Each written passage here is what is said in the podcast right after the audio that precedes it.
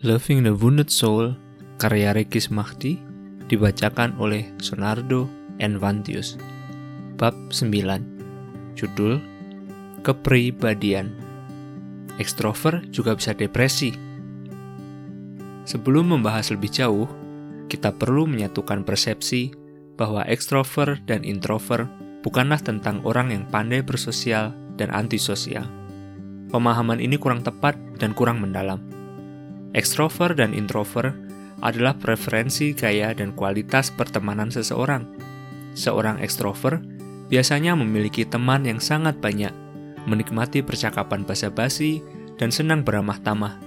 Sementara seorang introvert memiliki sedikit teman yang benar-benar nyambung dan satu frekuensi. Bagi seorang introvert, memiliki lima teman dekat untuk seumur hidupnya jauh lebih baik daripada memiliki 100 teman tetapi tidak bisa diajak bertukar pikiran. Bagi seorang introvert, berbicara basa-basi di sebuah acara besar seperti reuni atau ulang tahun sangatlah melelahkan. Mereka membutuhkan waktu untuk menyendiri agar energi mereka kembali utuh. Sementara bagi seorang ekstrovert, menjadi pusat perhatian dan menyapa semua orang di acara reuni adalah sumber energi yang besar mereka akan semakin semangat dan bahagia. Sebaliknya, jika seorang ekstrovert diminta untuk berada di dalam kamar sendirian selama berhari-hari, untuk membaca buku atau memikirkan sesuatu yang mendalam, hal ini tentu akan melelahkan bagi mereka. Kesimpulannya, ekstrovert dan introvert adalah tentang bagaimana seseorang mengatur energinya dalam pertemanan, bukan tentang siapa yang lebih pemalu dan siapa yang lebih pandai bersosial. Pada kenyataannya, introvert sama sekali bukan pemalu. Namun, mereka adalah orang cerdas yang tahu kapan harus bicara dan kapan harus mengamati. Bahkan perubahan besar di dunia dipimpin oleh pemimpin-pemimpin introvert seperti Mahatma Gandhi yang membebaskan India dari penjajahan dan Bill Gates yang mengubah dunia dengan kepemimpinannya dalam teknologi. Sampai di sini, kita sudah satu persepsi ya.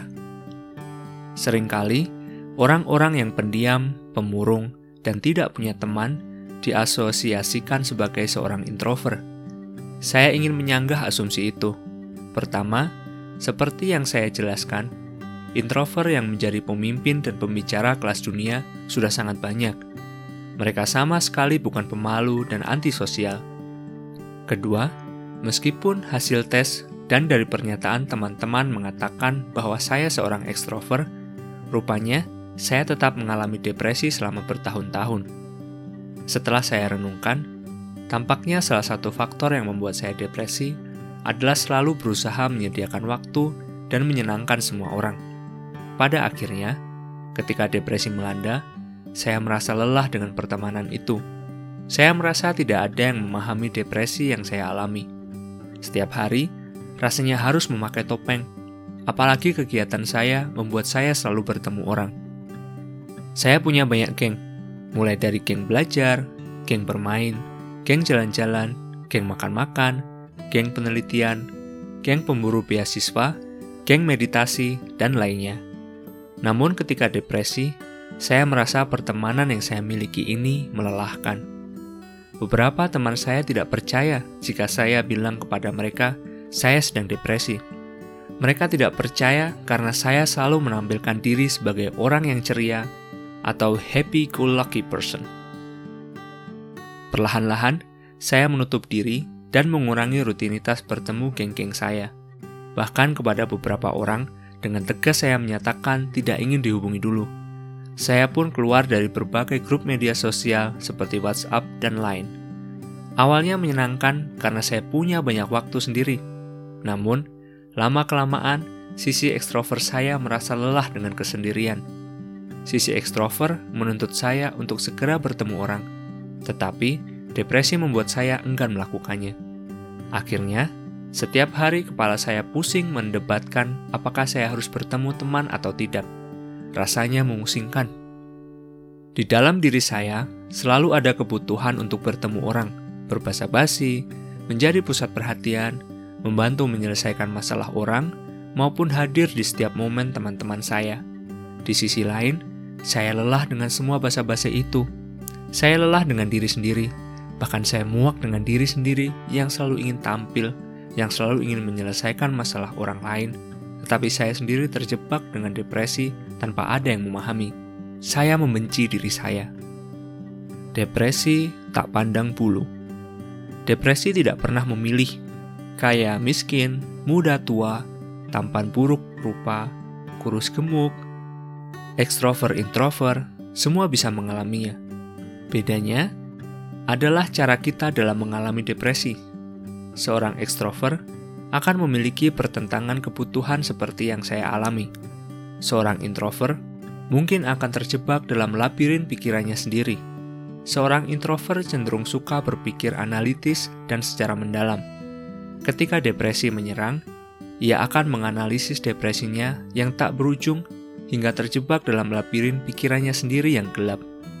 Seorang ekstrovert harus terus berpura-pura bahagia dan berbohong ketika teman-temannya bertanya, "Kamu di mana?" atau "Nanti ikut kan?"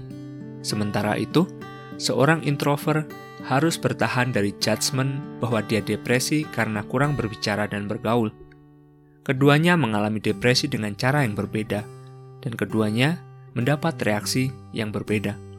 Jika kita memiliki rekan yang depresi, kenalilah tipe kepribadiannya lebih dalam dan bantulah dia dengan cara yang membuatnya nyaman.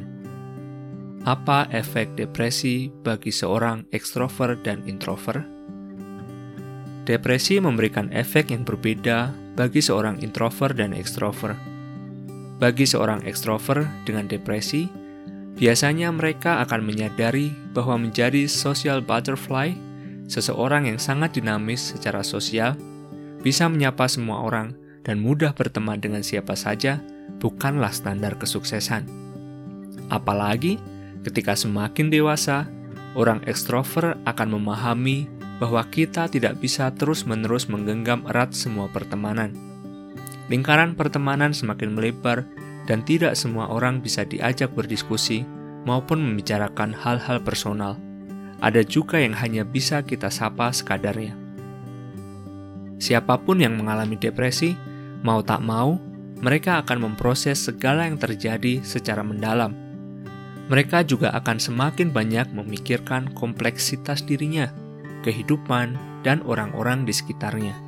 Seorang ekstrovert yang mengalami depresi akan mengembangkan sisi introvertnya dan mulai mengenali dirinya sendiri. Ketika mengalami depresi, tidak ada pilihan lain bagi ekstrovert atau introvert, kecuali benar-benar menghadapi dirinya sendiri. Jika seorang introvert mengalami depresi, kasusnya akan sedikit berbeda Orang introvert sudah terbiasa memikirkan sesuatu secara mendalam, sehingga ketika mengalami depresi, ia akan belajar untuk lebih mencintai dirinya sendiri. Seringkali seorang introvert menjadi depresi karena mereka dipaksa menjadi orang yang lebih aktif bersosial, terbuka, dan lebih outgoing layaknya rekan-rekan ekstrovert mereka. Anak-anak yang cenderung introvert sering dianggap kurang pandai bergaul dan tidak seperti anak pada umumnya. Mereka sering kali menerima label bahwa mereka berbeda dan kurang sempurna, padahal mereka hanya berperilaku sesuai kemampuannya. Ketika mengalami depresi, introvert akan belajar untuk menerima diri mereka sebagaimana adanya. Dunia harus lebih menghargai introvert. Orang introvert memang lebih rentan terhadap depresi dibandingkan orang ekstrovert. Bukan karena mereka kurang memiliki banyak teman atau kurang bergaul, tetapi banyak orang menganggap mereka tidak asik. Sejak kecil, introvert sering dianggap aneh dan berbeda, sehingga rasa percaya diri mereka rendah. Itulah yang membuat mereka lebih rentan terhadap depresi. Selama ini, dunia seolah menjadikan ekstrovert sebagai tipe kepribadian idola. Berbagai seminar dan buku motivasi menjadikan ekstrovert sebagai standar kesuksesan. Introvert dipaksa untuk lebih aktif berbicara, lebih aktif bergaul, lebih mengembangkan jaringan sosial, mengurangi membaca buku, dan lebih bersenang-senang. Sebaliknya, kita tidak pernah memaksa ekstrovert untuk mengurangi teman mereka dan lebih sering baca buku dibandingkan hura-hura. Apabila orang tua bisa mengenali anaknya seorang introvert dan tidak memaksanya untuk berperilaku selayaknya ekstrovert, anak itu dapat tumbuh menjadi introvert yang sangat percaya diri dan memiliki lingkaran pertemanan yang sehat. Sebagai contoh, ketika seorang anak tidak mau bergabung dengan anak-anak lain, sebaiknya orang tua tidak mengatakan, "Oh, dia memang pemalu," kepada orang-orang di sekitarnya. Kata-kata tersebut adalah label yang akan diyakini sang anak seumur hidupnya. Sebaiknya, orang tua dari anak introvert dapat berkata, Nggak apa-apa kalau kamu belum mau bermain, tetapi setidaknya berikan senyuman dan sapa mereka ya. Dengan begitu, anak tidak akan berfokus pada kemampuan sosialnya yang dianggap kurang dan energi mereka bisa lebih dipusatkan untuk mencintai dan mengembangkan bakat mereka. Terkait hal ini, Susan Cain menuliskan buku berjudul Quiet: The Power of Introvert in a World That Can't Stop Talking. Buku ini adalah buku pertama yang mendunia mengenai kekuatan introvert. Dalam buku ini, Susan Cain mematahkan berbagai asumsi bahwa introvert adalah pemalu, lebih sulit mencapai kesuksesan, dan merupakan sebuah kecacatan kepribadian. Susan Cain berusaha memotivasi introvert agar tetap bijaksana, suka berpikir, dan suka menganalisis. Jika seluruh manusia di dunia memiliki kepribadian ekstrovert, dunia ini akan terlalu bising. Catatan bagi pembaca: kepribadian sebenarnya tidak terbatas pada ekstrovert dan introvert saja secara hitam putih, jauh lebih kompleks daripada dikotomi itu. Sebenarnya, konsep introvert dan ekstrovert adalah konsep kepribadian yang cukup tua yang dicetuskan oleh Carl Gustav Jung, salah satu tokoh awal di perkembangan ilmu psikologi. Namun, dalam pembahasan ini kita cukupkan saja introvert dan ekstrovert sebagai contoh terkait kepribadian dan depresi.